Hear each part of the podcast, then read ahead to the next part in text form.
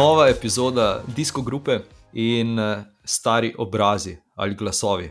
Martin, Matej in jaz, Uroš, Blaž se je opravičil, delovne obveznosti, seveda, razumljivo. Um, pozdravljena, Martin in Matej. Živijo. Kako sta? Pa jaz sem v redu, veš, malo utrujen od vikenda, ampak da jutro bo že v redu. Prijetno utrujen. Neprijetno utrujen. Neprijetno. Ok, Martin, kaj pa ti? Ja, tudi jaz nekako malo na slabšem glasu, mogoče danes neki tole spremembe vremena iz toplega na mrzlo. Tudi meni ni najbolj del, ampak za silo bomo. Se borimo. A si, a si bil kje na toplem? Uh, ne, bil sem čez dan v zunji na toplem, pa, pa ko se malo hladiš, pa ni več tako toplo. Ja, to pa je res. Uh, Ti si ja. na toplem, uraš boje. Ja, prejšnji teden, zelo na toplem, veliko bolj na toplem kot tukaj. Oh, ja, uh, super je. Čeprav, čeprav ko, si, ko prideš iz tega vremena na dobrih 20 plus stopinj, pa vidiš špance v polni, uh, dolgi opremi, veliko bolj oblečene, kot sem bil recimo ta vikend na kolesu, je pa vseeno, ker hecno tole videti. ja. Ampak ja, bilo je super, uh, res prijetno, toplo, no? tako, tako bom rekel. Uh, ja, prve dirke so se zgodile. Uh, prejšnji teden smo sicer izpustili naše snemanje, ampak ja, končala se je dirka po Valenciji, uh, dirka Etiol de Besež, pa dirka po Saudski Arabiji, uh, dirka po Omanu še poteka, uh, Tour de la Provence, Provence, kako se pravilno izgovori, Matej, veš morda? Provence. Mislim, iz katerega dela Provence si. Pro, ja. dirka, po, dirka po Provenci, da po Sloveniji pa smo zmagali. Pa ni problema. Ja, sem želel sam uh, posloveniti, pa sem bil prepričan, da, da je na robe poslovenjam, zato sem raje, zato sem raje uh, v originalu izrekel. Um, ok. Um, ja, kaj se je vse dogajalo, uh, komu lahko predam besedo, da, da morda naredi en kratek uvod ali pa povzetek, uh, pa recimo dirke po Valenciji. Izvoli, Martin. Ja, v bistvu, tako kot si že v uvodu povedal, dogajajo se prve dirke, vidimo prve neke občutke moči, fanti se nekoliko pripravljajo na glavni del sezone. Uh, zdaj, a je to, govorimo o nekih realnih razmerah moči, je še, vsaj, po mojem mnenju, prezgodaj. Um, na dirki po Valenciji smo videli uh, v bistvu kar zanimivo, recimo, temu, vsaj na vidi, dvoboj. Um, že pred samo dirko sta bila nekakšna prva favorita, Aleksandr Vlasov in pa Remko. Uh, Evenopol, uh, vsaj po mojem mnenju, je bil Remko nekoliko večji favorit, ampak um, mislim, da je bila to druga etapa, kjer je um, kar precej zaostal za Vlasovom in nekako tam se je naredila glavna razlika, ki jo Remko nekako ni mogel več potem nadoknaditi v nadaljevanju.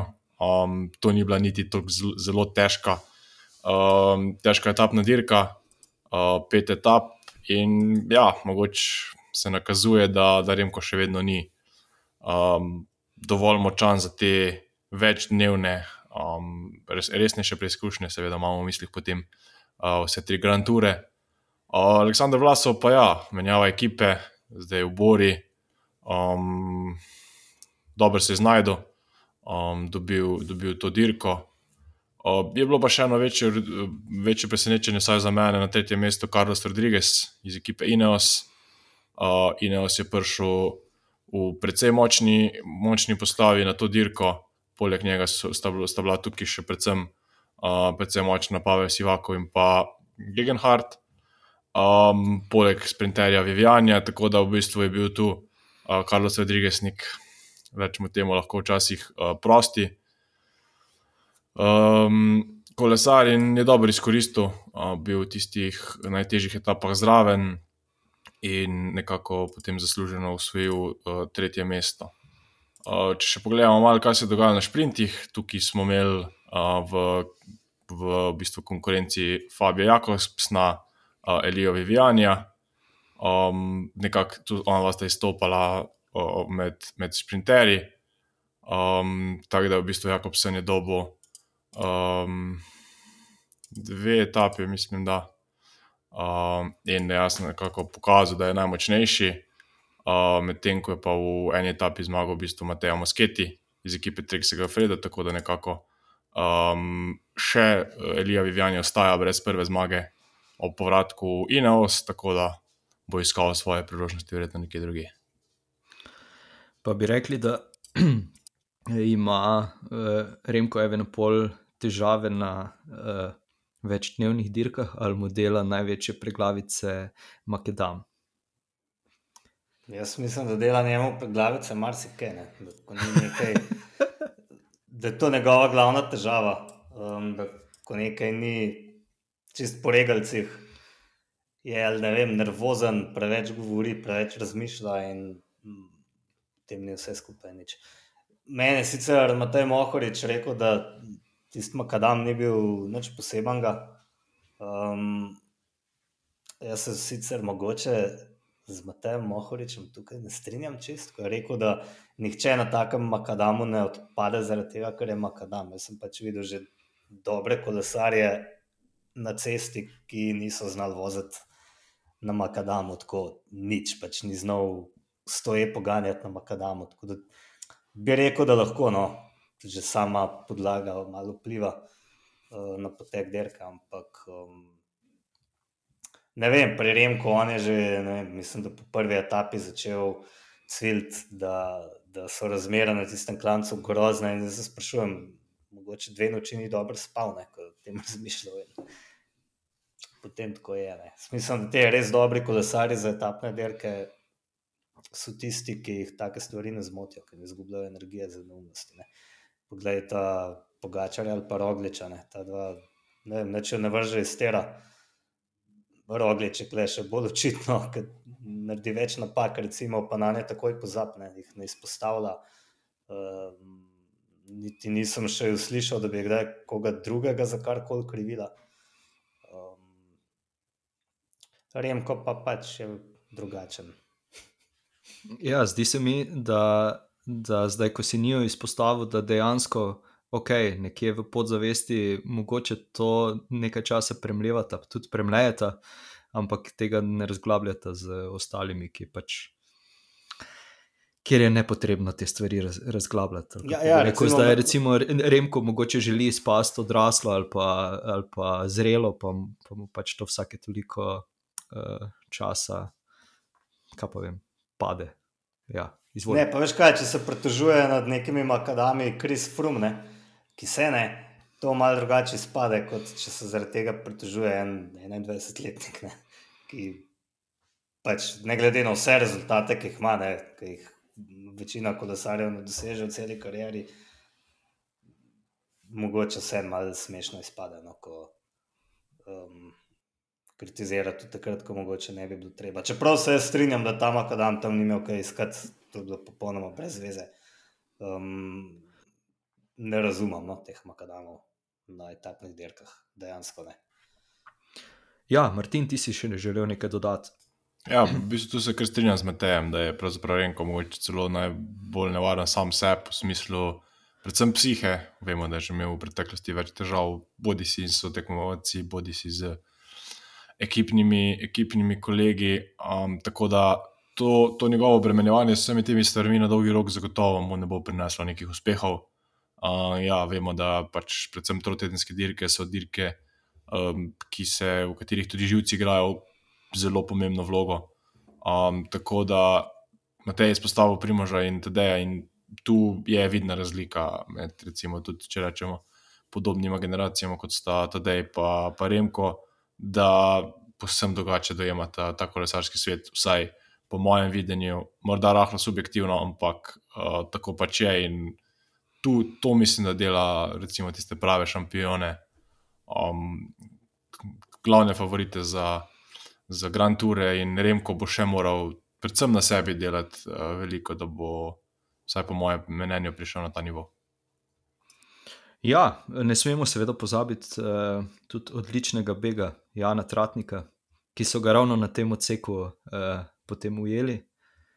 Zdaj, uh, sicer sva spregovorila v Valenciji, ampak toliko na hitro, da, da vseh tem nismo mogli odpreti. Ampak zdaj, če, če gre sklepati po njegovem posnetku na, na socialnih mrežah, si tudi oni mislijo, da, da grejo po tistem grevlu gor.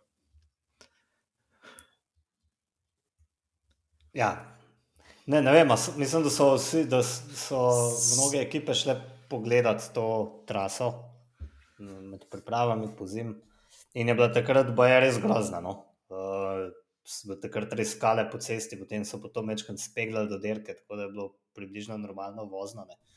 Meni se zdelo smešno, ko so na Eurošportu razglabljali, Eurošport GCN, da se pa domači kolesari ne vozijo po tej cesti, ker se bojijo defektov. Ja, seveda ne, jaz sem si mislil, pač samo službenim avtom greš na makadam 100 na uro. Ja, to velja za bicikle. Pač s svojim cestnim kolesom se ne greš po takem pelati in konec. Ne. To je res, se strinjam. Je zdaj nekaj težav z, z makedanskim odsekom ali pa z neasfaltiranim odsekom, so imeli tudi v Saudski Arabiji, um, torej na dirki po Saudski Arabiji, kjer so se tudi v prvi etapi že. Uh, kateri kolesar je že, že, že tako epsko poletel v um, ta, um... polovični salto. Andreja Bađoli je tisti, ki je padel na dirki po Saudski Arabiji. Um, ja, tam je bila zelo, zelo slabo um, označena cesta, čeprav ni sploh izgledala več kot cesta, ko se, ko se je končal asfalt. Uh, tiste oznake, Matej si mi ti upozoril, oziroma razložil, da so v bistvu oznake, ki označujejo cesto, bojda, oziroma rob cestišča. Tako jaz domnevam, ja, da je to kao rob ceste, ki pa še ni čist rob ceste. Um, ko da sari grejo pa pač dokjer lahko. Ne. Ponekod so bili neki stožci, ponekod so bile samo te skale, in v bistvu mene čudi, da se je samo en čez razbil. Ne. Ja. Tudi tud recimo tukaj na, na dirki po Saudski Arabiji ne smemo pozabiti uh, odličnega drugega mesta Luka Mezgeca, ki je tudi uh, na hriboviti etapi, na koncu v počasnem sprintu, odšprintal uh, Tima Deklerka. ja, tam je eh, Deklerk se postavil, kot mi je Luka razložil, na, uh, na vetrovno stran, ne? tako da je bil Luka v bistvu njemu za veterju. Um, če kako mi je že rekel. Vsakemu traktorju enkrat zmanjka, ne, je to Luka pač dobro vedel in se o tem smešno počasnem sprintu nekako prevlekel mem. Uh, mene še bolj veseli, da, da je um, tako dobro navlekel Dilana Grone Vegna v, kjer je ta pe bilo to. Kratka, pač Dilan Grone Vegna. Tret, tret, tretja po mojem, ja. Tretja. Prva njegova zmaga. Kdo ima končno enega res dobrega šprinterja, ne? mislim, da, da je vsem v ekipi mečkan odlegal. Um, da pač, ja, Grone Vegan spet v odlični šprinterski formi. In še bolj hecno bilo, da je isti dan tudi Fabio Jakobsen zmagal. Ne? Res je. V Valenciji. Da jaz v bistvu že komaj čakam, da boste spet skupaj na štartu, čeprav se to mogoče sliši kot. Ja, pre, precej neprimerno. Ja. Neprimerno, ampak boh pomaga, tako je. Um, lani mislim, da sem to že zadnjič enkrat razlagal. Sem jaz mečkam pogrešal sprinte, v katerih bi bila tako zelo dobra, močna konkurenca, letos pa da bo mečkam boljši. Se recimo tukaj na splošno v Saudski Arabiji, vsaj po imenih, je bilo kar nekaj sprinterjev, ne? Evan, Gavirija, Bonifacio, Ballerini, Konsoni, Grene Vegen. To so bili kolesari, ki so načeloma, vsaj rečemo, tam pri vrhu. Um, Evan in Grene Vegen, verjetno celo ena izmed najboljših sprinterjev. Tako da tu vsaj v primerjavi z, če rečemo, temu konkurenco za generalno razvrstitev, so sprinterji prišli nekoliko bolj na svoj račun. In ja, tudi jaz upam, da, bo, da bomo letos, morda celo na kakšnem Grand Touru videli uh, polno sprintersko zasedbo, ne? tudi Beneta, um, Jakobsna in še koga. Da res vidimo potem, kdo je tisti pravi, pravi najboljši sprinter. Škoda samo, da sta Jakobsen in Kevin Dish v isti ekipi. ekipi. Da, res je. Drži. Res je. In tudi Cavendish uh, je zmagal. Ja, je že začel, začel, Z, začel zmagovati. In ponovno so, se je odprla tista uh, Pandorina skrinjica o, o Ediju Merksu. In Ja, ampak Ja. realno mislim, Nadaljuje se lanska zgodba. Realno mislim, da bo dobil še eno šanso. Ja, če se bo Jakobsen uh, kaj poškodoval, ker upamo, da ne, potem verjetno ne. No, ne vem, pač, predvsem je bila to, to bila na dirki po Omanu, ne, uh, druga etapa je bilo predvsem impresivno, na kakšen način je on tisto šprintal, ker je bil res v neki obupni poziciji. Potem se je pa odpeljal mem, mislim, da je ta zga redko vidimo. Ampak spet ne, če, kot si super rekel, uh, na Saudi Touru je bila odlična šprinterska konkurenca, v Omanu pa niti ni. Ne,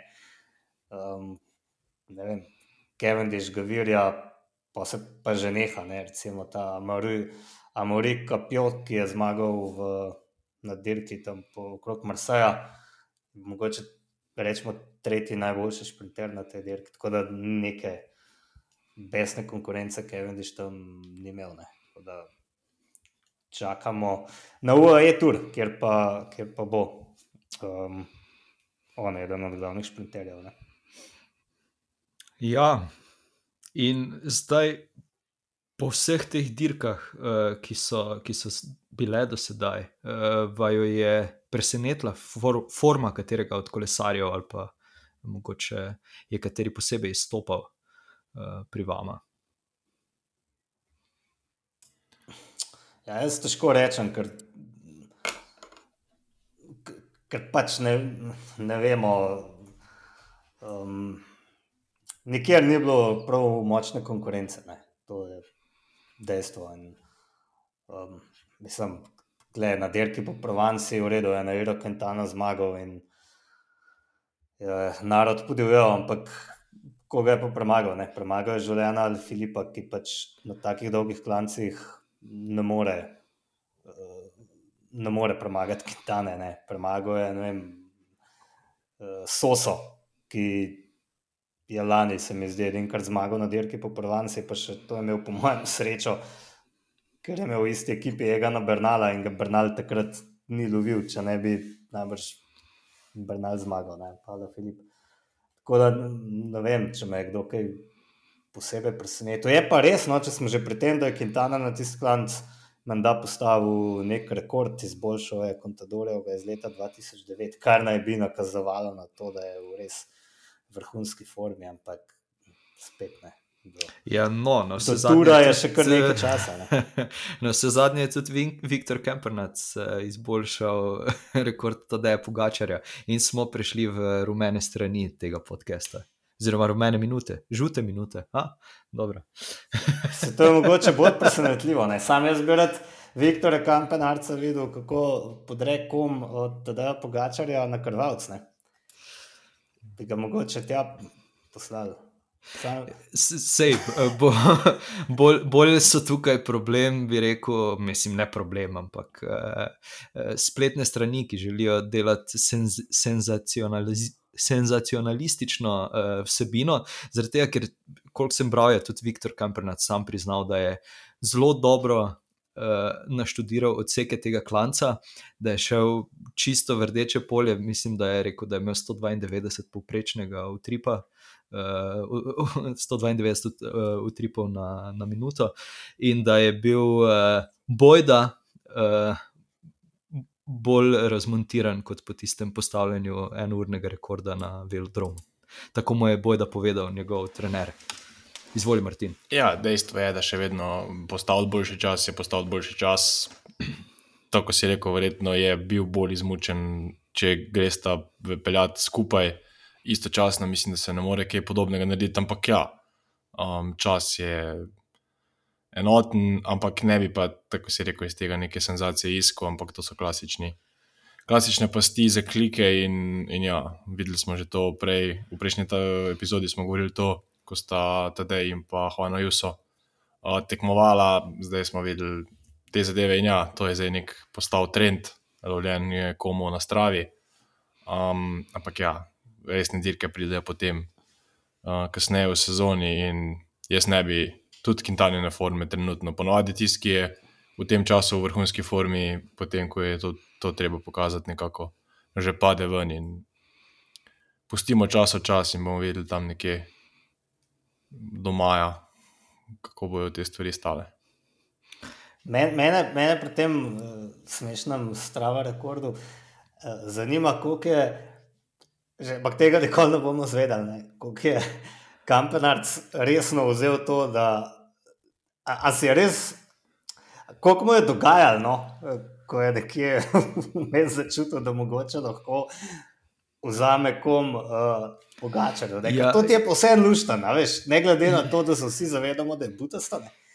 A veš, mogoče se je posebno rekel, ker potem je v tem um, intervjuju postalo zelo očitno, da je šel on zelo dobro analizirati ne, to Točno svojo to. in da je bilo važno. Ne, da človek je šel dejansko na računalnik, odprl te file in je začel gledati vate in uh, te zadeve. In, uh, tako da mu je kar dogajalo največ. To je zabavno, ne. seveda, delati pa iz tega zgodbo. Sem, lej, vse po drugi strani, zakaj pa ne, ne? ljudje pač to radi berajo in narediš zgodbo. Tisto, kar je v bistvu Cycling News objavil, se meni sploh ni zdelo, ni zdelo slabo novičarstvo. Pač naredili so novico iz tega in kontaktirali kampenarca, ga vprašali, on je povedal svojo zgodbo. In, vem, meni je bilo čisto simpatično prebrati. Jaz mislim, da se bo meni dan ta teden odpeljal na Areh z kolesarskim eh, števcem, vklopljenim pa z avtomobilom. Zgolj toliko, da vzamem kom. Mislim, da, da ga ima tudi na Areh, eh, tudi Pogačar. Mislim, se domač... Če se ne motim, to je zdaj. Domač, pa, vsak od nas bi to naredil, če bi lahko. Ena, ja, ena, ena stvar je z avtom, druga stvar je pa pač. Ne vem, ne vem koliko bi mogel študirati. Karkoli, da bi v bistvu mi to ja, vsak ve svoj domet. Jaz vem, da bi z avtom mi morda uspel. Ja. Težko, ampak bi imel možnost. Ja, jaz imam pa, jaz imam pa uh, na enem spustu, ki velja za zelo zagamanga, uh, boljši čas kot um, Matej Mohorič. Ne? Pa sem šel s kolesom, ne z avtom. Ok. Tam je pa res, da je bilo na meji. Matej, Matej, če poslušaš, uh, ja. potem ga verjetno ne bo imel več dolgo. Ne, ker je bilo prenavaren se lahko še ubija človek tam, če bo šel sem dol. Glede na to, kje se je pelal, že tudi več kot 100 km, mislim, da z nekoliko pameti. Ni, ni ja. straha za njim. Ja, z nekoliko pameti, ja, vprašanje. Jaz sem jaz takrat imel kaj pameti ne, pod čelado. A veš, o tem govorim. Ne, pač. Pustimo to za drugič. No, in ko že govorimo o pameti pod čelado. Kako ti polagam? Uh, ja, glej, glej, pa to je neverjetno. Že, že prej si mi, uh, tako da zdaj ne morem v bistvu nadaljevati pamet pod čelado s tem, da, da, je, da je pa vseeno senzacionalno uh, prišel skozi vrata Egan Bernal, torej hodi, človek hodi, uh, nekdo, ki je boj, da komaj preživel tako da je bilo super videti tisti video, čeprav je izgledal uh, dokaj, uh, kaj bi temu rekli? Grozno. Slabo, čist, dokaj slabo, grozno. grozno ja. Uh, ampak ja, pamet pod, pod čelado pa ima bojda frum.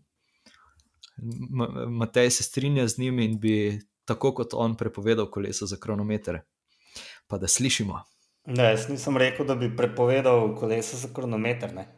Um, sem pa rekel, da se mi njegova zamisel o prepovedi, ko le za kronometer, kakršno poznamo, se mi ne zdi popolnoma mimo. Um, je to seveda um, ekstremno nazadnjaška uh, zamisel, ki nas vrača več kot 30 let v preteklost. Ne? Ko je bila velika znanost, ko se je um, Greg LeMond pojavil na zadnji etapi Tura um, s kolesom, z aerobari in neko nenavadno čelado, in so se mu vsi režali. Um, najbolj vključno z Loronom Finjonom, pač do trenutka, ko je on tam zadnji dan oblekel rumeno majico in se zadnji smejal. Um, ampak ta razmislek ne gre mogoče samo v smeri varnosti. Um, dejstvo je, da s temi kolesi se v nekem normalnem odprtem prometu res ni varno voziti. Um, ampak jaz tudi sprašujem v smislu vsega razvoja, ki se ga vlaga v ta kolesa, samo zato, da na koncu v bistvu realno ne zaostaneš za nekom drugim, dejansko pri razvoju. Ne? Veš, tudi tako, kot vem, vsem nam gre na živce Facebook, pa ga imamo vse en, vsi, ker če ne padeš ven iz igre. Ne? A ne bilo bolj, če ga ne bilo, pa se nam ne bi bilo treba s tem ukvarjati, pa zapravljati denarja za oglaševanje na Facebooku, pa za plačevanje strokovnjakov za Facebook. In, ne vem, če si ljudje predstavljajo, koliko je to enih stroškov. Um, jaz se sprašujem, če sploh proizvajalcem dejansko interesu vlagati v razvoj kronometrskih koles, ki jih potem mogoče več razstavljajo ekipam, kot pa dejansko prodajo po neki normalni ceni. Eh, skratka, ogromen enega razvoja, um, kolesari hodijo v vetrovnike, tam se zafrkavajo, trenirajo s temi bicikli.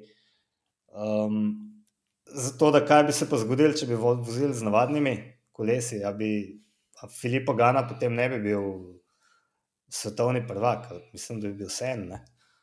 Um, smo videli na dirki po Provanci, kako se je odpeljal iz iz uh, čela, glavnina vsem. Ne? Pač, ne um, ampak ja, je pa to nazadnjaška ideja, ki najbrž enostavno ne bo šla skozi. Ja, najbrž je povezana ravno s tem, kar si omenil, torej, da, je, da je Kris Frum uh, vložil v Factor, torej v proizvajalce koles in Mogoče ga pa je začelo tole motiti, da gre grob ja, denarja v razvoj. Ne vidi, koliko denarja gre v vetronik. Ja. ja, ja, dobro. Do, tako, tako da se zdaj po enem še tudi sprašujem, koliko si pa ti vložil v Factor. Točno, ja, mogoče pa že začel. Ja. Um, ja. Ja, ne.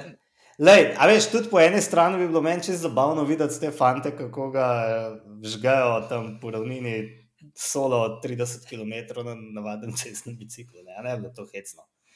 Ja, pa če, pa če damo mogoče v drug kontekst, zakaj, zakaj potem recimo, recimo menjava uh, na gorskem kronometru. Ne? Pač pustimo potem kronometer do konca, kronometer kolone, sicer zdaj. Ne? Ampak veš, kaj želim povedati. Ja, ja, vem, ja. ne, ogromno enih problemov to prinese. Tud, ja. ve, lej, sej ni problem najbrž za eno World Tour ekipo, ki ima sredstva in vem, dobijo kolo, pa pa plačajo še tisto krmilo, ki so zdaj vsa narejena po meri in so cene pač smešno visoke. Vem, še draže kot tiste frumove nove majice. Uh, Ampak kaj pa, ko gremo na niže ravni?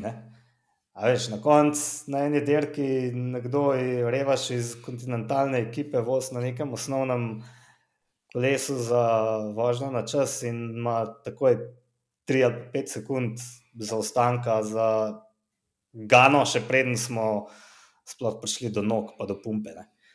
Um, in se verjetno na, ravno na kronometru še veliko bolj um, še veliko bolj odloča razlika v samem materialu. Pa ne vem, če je to bistvo kolesarstva. Ne? Da pač nekdo samo zato, ker ima boljši material, profitira dve sekunde na, kilo, na kilometr. Um, potem prevoz teh koles. Vemo, da ene ekipe uh, kronometr kolesa prepelajo iz baze na tur, samo na dan kronometra, potem grejo pa nazaj, ker noben noče gledati 8 ali pa 15 teh koles v, v eh, tovornjaku, tri tedne skupaj, pa še ukradejo jih lahko. In je tu ogromno enih težav in zoprnih stvari, ki bi se jih s tem enostavno losali, ampak zgubili bi pa vse, kar pač kronometer prenese. Ne. To so pa visoke hitrosti in tako naprej. Jaz sem enkrat izidorja penka. Ko je še tekmoval, vprašal, kaj je point, kako lahko uživaš na kronometru. To je vendar obupno trpljenje. Je rekel, ja, ampak lej, ko pa leti 60 na uro po ravnem, ne, pa to čist nekaj posebnega. In ja, seveda, ne. če mu daš navadno kolo, bo šlo pa samo še 50 na uro in ni več pointne. Absolutno. Martin, kaj si želel dodati? Ja, v bistvu tu gre zdaj za to optimizacijo, mogoče, ko smo prej govorili, pa podiranje nekih rekordov. In ja, prav ta, to, na kar se je zdaj navezal Matej, te visoke hitrosti, podiramo rekorde na eno uro, razno razni rekordi padajo. In tudi konec koncev naj bi bile dirke bolj zanimive, če, če so tu več, večje hitrosti, če, če lahko nekako tako rečemo. In ja, se strinjam s tabo, da to ni več uh, glavno bistvo kolesarstva, to ni čar kolesarstva, zaradi katerega množica ta šport spremlja, ampak tu je, tu je industrija, tu, tu so v igri ogromni vložki, tudi frumovi. Um, tako da, ja, to nekako, da bi, da bi zdaj, pravzaprav, kronometre kolesa ukinili, mislim, da ni straha. Um, je pa vprašanje, do katere mere pa lahko vse te materijale in neke tehnične, tehnične podrobnosti še izpilijo, da, da bo še imelo vse skupaj nek smisel. Ne, mene je strah, veš, dobro, zdaj se o tem pogovarjamo samo zato, ker se je en od najboljših kolesarjev skoraj ubil. Naslednjič smo to pogovarjali čez tri leta, če se kaj zgodi, kaj, nekaj najhujšega. Ne vem, sem boh ne da. Ampak, ne vem, doskrat se prepozno o takih stvarih pogovarjamo. Um, ne moš pa pač kolesarjem prepovedati, da bi trenirali s tem na odprte ceste, ne? ker pač potem nimajo več kje trenirati vem, na velodromu ne moreš trenirati kronometra. Drugače tega ne moreš prepovedati, kot da jim pač ukineš kolesa. Um, ja, ampak ja, lej, lej, so, sorry, ampak vseeno mislim, ja. da bi kolesarstvo kot tako, po, po mojem, več zgubilo, no, kot pridobilo na sami zanimivosti. Mene tudi pač navdušuje, ko gledam ta kolesa, na derkah to pozicijo, ki je neka umetnost, tudi ne. umetnost. To ni umetnost, to je obrt. Um, tako da, ja, da. Ali kaj, a potem ukinemo tudi taka kolesa na pisti in začne podirati eno urno rekorde na običajnih specialkah z muslaufom, mislim. Ne, vem, ne. ne, mogoče prepovemo kolesa, pa vsi laufajo na Monventu kot frum. Ampak imamo na polje. Uh, ja, ne, mislim, za, za izboljšanje varnosti, sicer pač to je streljanje v prazno, absolutno, ampak kaj pa vemo, ob vseh silnih budžetih in silnih milijonih, ki, ki jih letno uh, dobijo ali porabijo ekipe za svoje delovanje. Bi mogoče pač tudi v, v Kolumbiji najeli, kaj pa vem, dva avtomobila, pa, pa dva spremljevalna voznika ali pa karkoli, pa mogoče. Ne vem, sicer ne vem, kako ja, super, je sedaj to rešeno. Na redu kolesarski klub Kran, ne, ki pa nima ja, sej, sej vem, sej vem. Ja. To je problem. Jaz ne vidim tega problema tega pri, pri najboljših ekipah, ampak pri manjših. Ne. Ja, ne, se v bistvu problem ima samo Ineos, ne. samo pri njih se uh, potrkamo k sreči, da, da, da še nekje druge, ampak načeloma sta se pri njih zgodili ti dve hudi nesreči uh, v zadnjih, kaj, dveh letih. 2020 je frum, uh, padel. Ali, ja, mislim, da. Ja, pa dobro, pa pitkok. Spet je neosno. Ja, vse je. Dobro, to je na ključe, ali pa ne vem, za marsikoga najbrž nismo slišali. Um, ne vem, jaz sem slišal ne vem, neke teorije, ja, se, če bi bil na cestnem kolesu, bi se ravno tako razbil. Mislim, če bi, če bi, ne vem, kaj bi, ja, bilo, če bi bil. Ne. Če bi imel padalo, bi se tudi ustavil.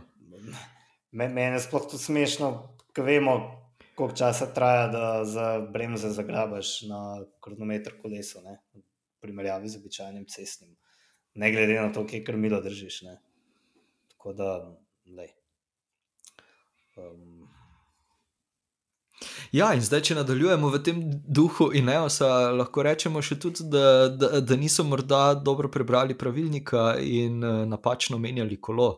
Uh, Filip Ugani, ki je bil potem v zadnji etapi diskvalificiran. Martin, izvoli. Ja, to predvsem za ekipo Ineos nekako precej navadno. Vemo, da oni so mahnjeni na te male podrobnosti, marginal gains, kot jim sami rečejo. In da neko takšno stvar, eh, po domače povedano, zasirješ, je res nekoliko neodgovorno. Res je. Sej, sorry, sorry, sorry. Sej to so zasrali lik zato, ker so iskali marginal gains. Ampak, ampak na napačnem mestu, ja, sej. ja, ja, mislim, niso pa knjižice spravili. Ne, ampak, ampak recimo res realno, to se mi zdi res taka, taka napaka v smislu, to ni bilo hoja po robu. To ni stvar, ko poskušaš zaobiti pravila. Uh, to je stvar, ki so jo popolnoma narobe zelo lotili in ja, ne vem, čistočno. Zanimivo bi bilo videti, slišati od njih, kakšen je bil točen razlog.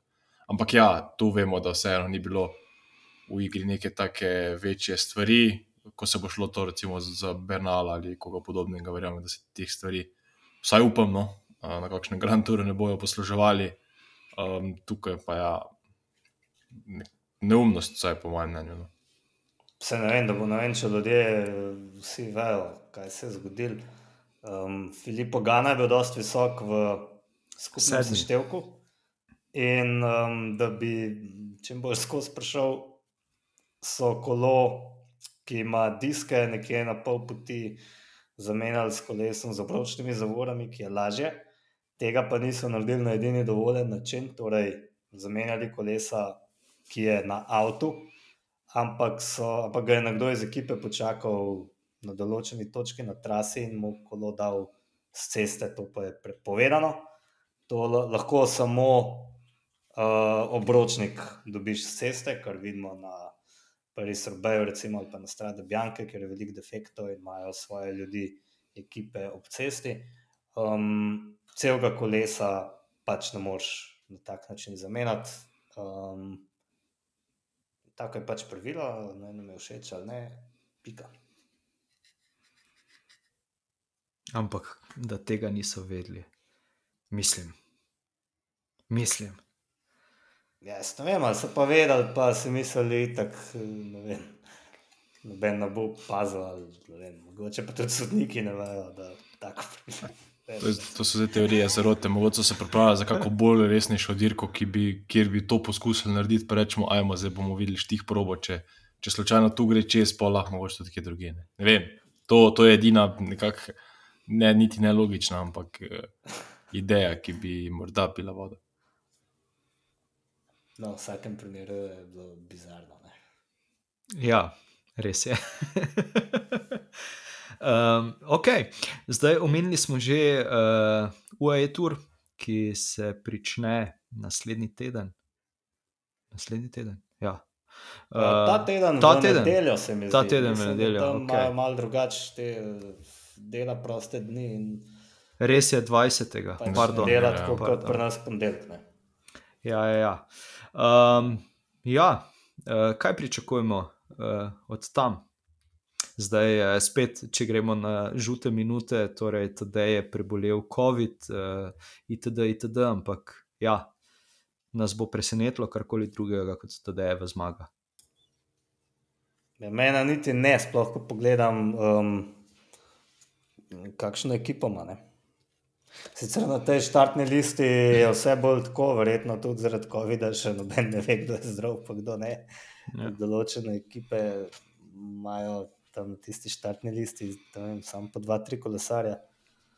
Um, ampak po Pogačarju bojo predvidoma derkali, pa ste to Žuao Almeida, George Bennett, uh, Rafael Majka in Rui Košta. Ehm, medtem ko ima recimo Adam Jajc, ki mu je lani, to ne, ne smemo pozabiti, lani mu je kar preglavice povzročal. Um, sem na trenutke mislil, da ga bo, uh, uh, da ga bo pogačar spustil. Um, Adam Jajc pride tja, z, ne vem, zaenkrat so na štartni listi Luke Plap, to je um, državni prvak v kronometru uh, na, kje, na Novi Zelandiji, ali Novo Zelandec. Ja, Novo Zelandec. Novo Zelandec. Um, Filipo Gana, v redu, zna biti koristen, pa je Elija Vivjani, ne? tako da ekipa ni boh, kaj ne. Pa pa derka še David Le Cruz za stano, uh, Roman Barde, uh, DSM. Zanima me, kako bo kaj Jack Hake dirkal, Bahrain Victorious. Uh, potem uh, Aleksandr Vlasov, ne? ki se je fletno pokazal v Valenciji in bo, bomo zdaj šele videli, um, v kakšni formi je dejansko. Pa Tom Dumoulin, Tom no, Dumoulin, tako, Tom Dumoulin tako se vrača v boj za generalne razvrstitve. Ja, Luke Plep je avstralec, se pravi, čujem, v bistvu, to sem preveril zelo. Um, tako da ja, on je državni prvak na cesti, avstralski. Um, Cestni. Aha, ja, cestni. ok. Cestni, ja, niš, na, na um, Ja, je, kilometru je ron. seveda. Seveda. Ja. Uh, zato, sem, zato sem nekako zamešal, da bi bil lahko uh, novozelandski. Tudi jaz mislim, predvsem bom, bom tu nekako z enim očesom spremljal Aleksandra Vlasova. Vemo zdaj, da je dobil uh, dirko po Valenciji. Kaj to pomeni, bomo videli. Um, nek določen te zagotovo. Adam Jec, kot je Matej omenil, lani bil precej dober. Um, Tom Domolen, kaj bomo rekli o njem, definitivno bo zanimivo ga videti spet dirkati. Um, nekih hudih pretresov z, z njegove strani sicer ne, ne pričakujemo, in pa ja, eh, tudi od naših naj bi bil na štartu poleg tega še Jan Tratnik. Um, tako da tudi nekako v zadnji minuti mu je uh, to padlo program, če se ne motim. Ja, tudi njega bo, bo fajn videti. Ja, mislim, da, da COVID eh, zadnje tedne eh, vsak dan znova premeša vse te štartne liste in uh, plane. Tako da, Ja, samo upamo, la, da res potem do poletja, ko pridejo Grand Touri, se ta situacija nek vsaj toliko miri, da bo malo bolj predvidljivo in pa da ne bo potem v bistvu slučajno COVID krojil tudi, eh, krojil tudi usodo kakšnega od tekmovalcev na, na Grand Touru. Da bomo spet videli celotne ekipe, ki morajo Mene- iti. se strinjam. Ja, sorry. Izvoli, ne, izvoli. Jaz sem se samo strinjal.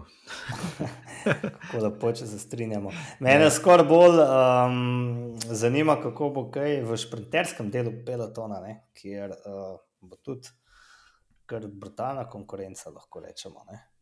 Mark Cavendish bo imel praktično cel svoj šprinterski vlak, um, prihaja Asper Philipsen, Elija Viviani, ok, bomo videli.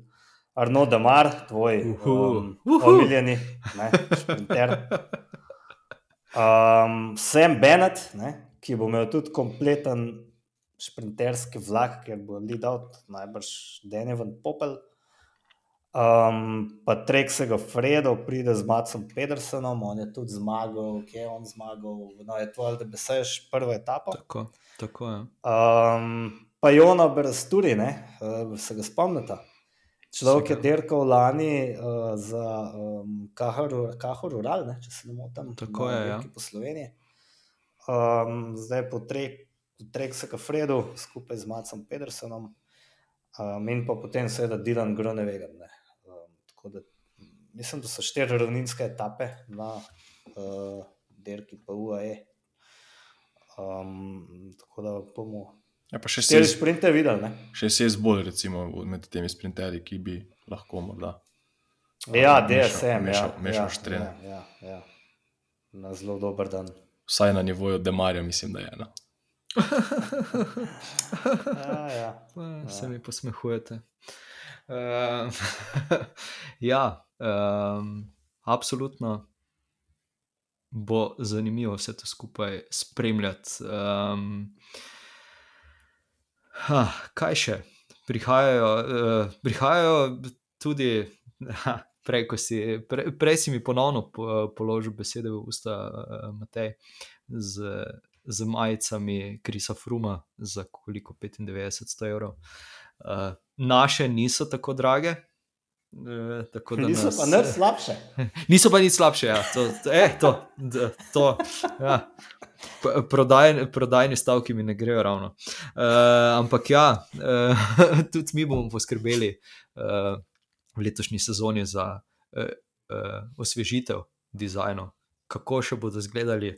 Hm, trenutno ne vemo, tako da obljubljamo uh, v tem trenutku prazno slamo, ampak uh, verjamem, verjamem, da bo vsak našel kaj zase, uh, če bo le želel podpreti uh, to, kar delamo, na vse zadnje. Uh, pa še neke druge stvari pridejo, ampak ja, naj ostane to za naslednje epizode. Um, Ko bo kaj več znanega, seveda. Um, sedaj pa klasično vprašanje. Uh, smo še kaj pozabili, še velja kaj omeniti? Uh, se je zgodilo še kaj takšnega, da. Tom Pitcock je prestopil. ne. A ja, ja, definitivno. Ja. Ha, eh, tu, tu si, tu. Žute, žute minute. Ja, žute, žute, tako žute, da so že oranžne. Uh, in jaz sem seveda nasedel. Matej je sicer uh, lepo napisal, da je nasedel celo dobro obveščeni slovenski ljubitelj kolesarstva uh, in da naj moje ime ostane skrivnost, ampak jaz priznam, da sem, da sem padel na finto, tako da samo čakam, ko bom nekemu Indicu poslal svoje podatke o kartici. In mi bo sprazno račun. uh, the, the UCI Swindler. To je pa zdaj za vse tiste, ki ste na Netflixu gledali Tinder Swindler. Uh, dober dokumentarec. Uh, ja, ja, ja, ja, to, ja to, to, to. Mene je to tudi bolj zaskrbelo, da bi ti popustil eh, čarom, kakšne lepe nigerike. ja. da povemo vsem poslušalcem, ko morda ne vejo, kaj je bila ta potegavščina. V bistvu je bila, mislim, da Twitter objava, da Tom Pitcock um, nekako z naslednjo sezono. Po, po poteku pogodbe prihaja v Boto Hans Gloe. Um, in ja, z nekaj ključniki, ki so na Twitterju izgledali pre, precej avtentično, je naš urož uh, v našo skupino uh, precej z veseljem uh, to delil, um, blaž kot dobro obveščeni. Um, glede teh zadev pa je hitro, hitro pre, prebral to v kano. In, Ja, zdaj, zdaj, edino, kar mi gre v prid, je, da je to ostalo znotraj naše skupine, zaradi tega, ker kdo, Cycling News ali. Uh, ne, ne, Velo News, Velo News je v bistvu Velo začel News. to, ne, ta ja. odziv yeah. Twitter računa Bota Hans Gloje. Ne. Ima skoraj nobene zveze z Borom Hans Gloje. Uh, je nastal kot odziv na objavo na Velo News, ne, kjer so. Um, ker so poročali o tem, da so slišali iz nekih virov, da si ena od vodilnih. Eh, eden od vodilnih ameriških proizvajalcev koles želi, da bi Tom Pitcock prestopil v eno od ekip, ki jo sponzorira eden od teh vodilnih proizvajalcev. To jih je pa kar nekaj teh ekip. Ne, um, ne vem, vsaj Trexega Fredo, Jeff Education, uh, pa vsi, ki vozijo specialized, ne, ki jih je tudi kar nekaj zdaj že.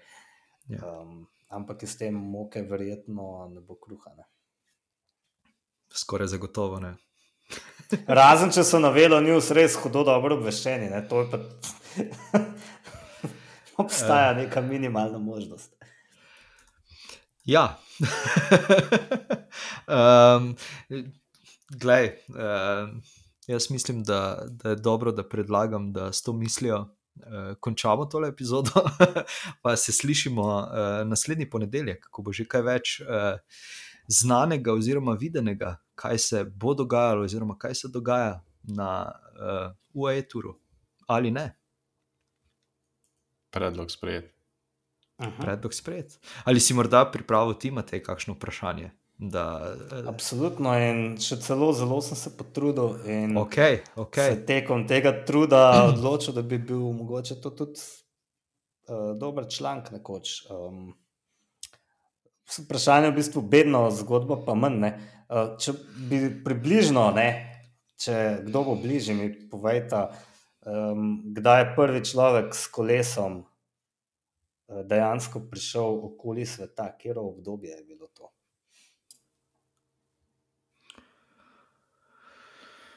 Huh. Jaz bi ustrelil, da ne vem, malo pred prvo svetovno. Mhm. Pred prvo že, jaz bi rekel pred drugo. Hm. Ali pa hitro po drugi pismo. 60 let. Ne, to je človek naredil še bo leta preja. 1886. O, je človek, človek je neverjetno trpežno in um, zvedavo in pogumno bitje. Bil je to angliš Thomas Stevens, ki pa se je iz Anglije pri 27 letih preselil v Združene države Amerike, se v San Franciscu naučil voziti kolo in to ne katero koli, ampak penny farting, to so te kolesa z ogromnim sprednjim kolesom. In s prav takim, s 50-inčnim sprednjim kolesom, je šel on mirno okrog sveta in je postal najprej prvi človek, ki je prekolesaril Združene države Amerike, iz San Francisca do tam, Boston, ja, do Bostona, je um, naredil okrog 6000 km v 103 dneh, pri čemer naj bi po nekih ocenah eno tretjino poti prehodu, ker si lahko predstavljamo, da v tistih časih so bile ceste v novem svetu uh, porazne ali pa skoraj neobstoječe. Zanimivo se mi zdi, da je imel s seboj uh, med drugo opremo, ki je bilo relativno malo, tudi revolver. Um, potem je šel z ladjo, seveda, v Evropo, prepotoval Evropo, prišel v Konstantinopel in od tam nadaljeval čez Turčijo, v Irak, Iran, prezimil pri Šahu, Perzijskem, um, potem nadaljeval v Afganistan, kjer so ga zaprli, ker ne vem, neke diplomatske fore, ga zaprli, poslali nazaj, mu med potjo nazaj uničili kolo, mu ga popravili, potem je pa v bistvu čez Azijo potoval, tako da je šel z ladjo do, do Indije, pa čez Indijo do Hongkonga, iz Hongkonga na Kitajsko, pa potem zaključil nekje na Japonskem in menda prekolesaril 21.700 km, oziroma 13.500 mil v dveh letih in osmih mesecih, s tem, da je zime v bistvu um, prezimil na toplem. Kot pa zgodba pravi, je imel pa še največ težav v bistvu z organizacijo potovanja, ker si lahko tudi predstavljate, ne, da takrat to ni bilo tako preprosto, kot je danes, pa tudi danes ni več tako preprosto, kot je bilo pred 30 leti, ne, pa 20. Danes najbrž ne bi šel niti v Afganistan. Najbrž res. Ne. Še bolj gotovo se pa iz tam ne bi vrnil. Ja, odlična zgodba. Zdaj, eh, ko si omenil, da so bile takrat slabe ceste, sem želel samo dodati komentar, da najbrž ne tako slabe kot eh, za Remka na dirki po Valenciji, tisti grevel odsek. Eh, uh, kot šala. Uh, sicer jaz nisem pripravil vprašanja, uh, tokrat ga tudi meni ni uspelo, kakor tudi ne Martinu, ki se je že prej upravičil, ampak se mi je vmes vseeno porodilo, mogoče kot uh, tudi. Kot šaljivo vprašanje, ali pa kot malce cinično. Torej, kako dolgo uh, so zdržali uh, droni na ciklokroz-dirkah, oziroma droni kot uh, tisti, ki skrbijo za lepe posnetke dirke. Je bilo kakšnih 30 sekund? Ja, tukaj nekje. Ja. tu nekje, v, še v istem dnevu je, uh, se, se je UCI odločil, da se skupaj prepove in da je to to. To varnostni razlogi, a se ve. Bojda varnostni razlogi, čeprav koliko se spoznam na drone, bi rekel, da se je zdaj za to bat uh, skoraj da brezpredmetno. No. Mislim, ravno, zelo... ravno zato ne, zdaj je v bistvu tehnologija tako daleč, da mislim, da pravzaprav ni razloga več tehnega v smislu, če je dovršena tehnologija, če so to pravi droni. Pač ja, ne, ja, ne, ne, gre, ne, ne gre za 20 kg drone, kot, Hirscher, kot ja, je recimo ja. padel za Hiršerjem na, mhm. na vele slalomu ali slalomu, to ne vem zdaj točno. Ja. Ampak ja, zdaj ti droni, ki, ki, ki so v bistvu FPV, torej First Person View droni, imajo tu nekje 250 gramov, tu nekje pa vse skupaj je toliko malo, da ja, tudi če se zaleti vate, če te morda poreže, če pa ima propeler uh, garde nainštalirane, pa sploh tone. Tako, Ampak ja. jaz kles spet ne morem. Ja, povej. Zagovarjati. zagovarjati uh, krovno organizacijo, kolesarsko. Da se mi tudi meni navadno zdi, da se nekdo kar spomne, da ima pa malo letal po progi za ciklokros. Ja, super, full uredu, tudi jaz bil je izjemen posnetek, ki zares dejansko vrhunsko pokaže, kako to leti, ne? si drugače ne predstavljamo. Ampak neka pravila je pa vsem treba postaviti, kdaj te droni letijo. Um, v kakšnem primeru lahko motijo potek dirke um, v redu, mogoče um, te ne ubije, če se zaleti vate, ampak ti pa pokvar derko in je to tudi precej bedno. Tako da verjetno bi se moral organizator, oziroma kako se temu reče, kaj je to. Broadcaster, ne, to je on, ki je. Glavno, ta produkcijska hiša, ki se je lotila tega snemanja, bi morala najbrž kaj prej povedati tudi. Sicer bi oči potem že prej rekel, da ne, ne dovolimo, ne. in ne bi videl niti 30 sekund posnetka. Um, ampak ja, lej, um, upam, da bojo to razrešili in da bomo to dejansko lahko delam. Zdaj, pač, tu zdaj uh, se absolutno strinjam z temi argumenti, ki si jih dal. Uh, po drugi strani pa gre res uh, tehnika toliko naprej. Kaj pa vem, tudi lani uh, naše državno prvenstvo. Uh, so določeni posnetki bili ravno iz, iz dronov, zaradi tega, ker pač niso mogli zagotoviti, kaj jaz vem, helikopterja, uh, ne vem, letalo se mora dvigniti za vse te uh, silne signale, itd. In pač tu v tem primeru res pride dron zelo, uh, je zelo priročen, uh, kakor tudi, tako kot si rekel, so posnetki nekaj čisto drugega kot. Uh, kot kaj pa vem, na koncu je, je na dirki po Omanu, v helikopterju izgubil tisti sprint. Uh, uh, se prav spomnim. Na dirki po Omanu. Ah. Ne, ne vem. Ja, ampak vse. Ja, Mislim, torej, na Saudi ja. Turu en dan sploh prenosa ni bilo. Ne, dobro, tudi to. Tudi to. Polete, uh, ampak ja, mislim, če, če, če pa vzpostavijo neka zakoličena pravila, kot je recimo to, da uh, ne smeš menjati kolesa ob cesti. Uh, ja, uh, mislim. Uh, Ja, in ne, no, kak, potek, kako bi vplivalo na potek dirke, pa se ja, prepustimo to raje njim, naj oni o tem razmišljajo, Martin, izvoli. Ja, jaz mislim, da so letos na smutku že naredili nek korak naprej na, na Kizbilskem smuku.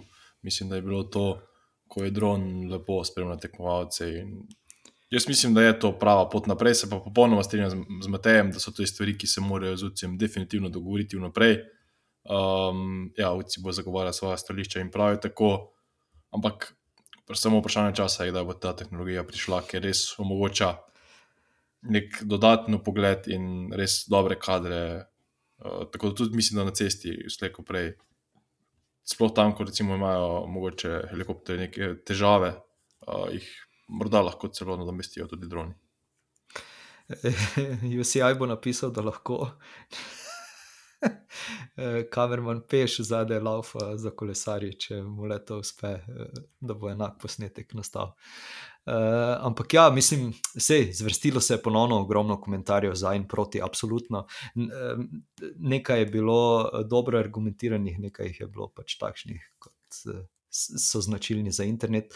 Ampak, um, ampak mogoče, sicer je to en, en pogled daleč v prihodnost, kjer bi droni nadomestili um, uh, motorje, ki. ki po eni mhm. strani ne bi toliko vplivali na zaveterje, na dirki, vse te stvari. Ampak, in ki seveda, so tudi nevarni, ne? po mojem, smo videli več na svetu. Točno to. Motorje, kot pa z droni, ne za enkrat. Za enkrat, ja. Mogoče ta uh, pomislek o varnosti ni najbolj uh, na mestu. bi pa no, pilotu ampak, tega drona tudi dal en kudos, ne? Kar je oh, absolutno ga že že. Absolutno. absolutno. Vse tudi to, kar je Martin rekel uh, tam na tistem smuku, je divje izgledalo. Pa če se ne motim, so tudi pri, pri skokih uh, vpeljali nekaj zelo podobnega. Možno Res tam, tam so... sicer veliko krat nad skakalnicami potegne tudi zajlo. Ja, ja, ja, um, ampak letos so, so prav za droni, ker sem spremljal. Uh, tista zajla je super, ampak to, to za droni pa je tudi. Uh, tudi per... Na koncu koncev tudi, tudi zajla se je nekje na nekem slalomu utrgala, pa je vse skupaj zgrmelo po tleh. Ja, nič ni, nič ni zdaj. Je bentiš, ne. ja, per, per, recimo smuku to govorimo tudi o hitrostih 120-130 km/h, celo več. Um, tako da ja, te, kot sem omenil prej, tehnologija šla tako daleč, da zdaj je varno uporabiti ali ne. Jaz mislim, da pač nek, z neko zdravo pametjo um, se vse da in upam, da bomo čim prej uh, dobili tudi te posnetke, ki res lahko še dodatno popestrijo. Uh, no, ne, ne, sej, lej, pa da imamo pol zaključiti. Je varno najbrž, ampak na koncu imaš tam 60 kolesarjev in koliko je med vodilno in koliko mora biti med vodilno in drugo, da lahko vmes leti helikopter, ne da vpliva na nek, kar koli že to je, dron, da, ne da to vpliva na potek derke. Ne vem, a veš. Ja, ja. Ve, ve, več stvari je, ki se lahko pač zgodijo, ne, ne samo to, da pade nekomu na glavo. Ne. To se najbrž ne more zgoditi. Ampak, um, ja, no, dajmo zaključiti s temi droni. Okay. Ja, uh, kam smo šli. Ja. Huh. Uh, ja, nič, uh, se torej slišimo naslednji teden. Čau, adijo. Živijo. Zdravo.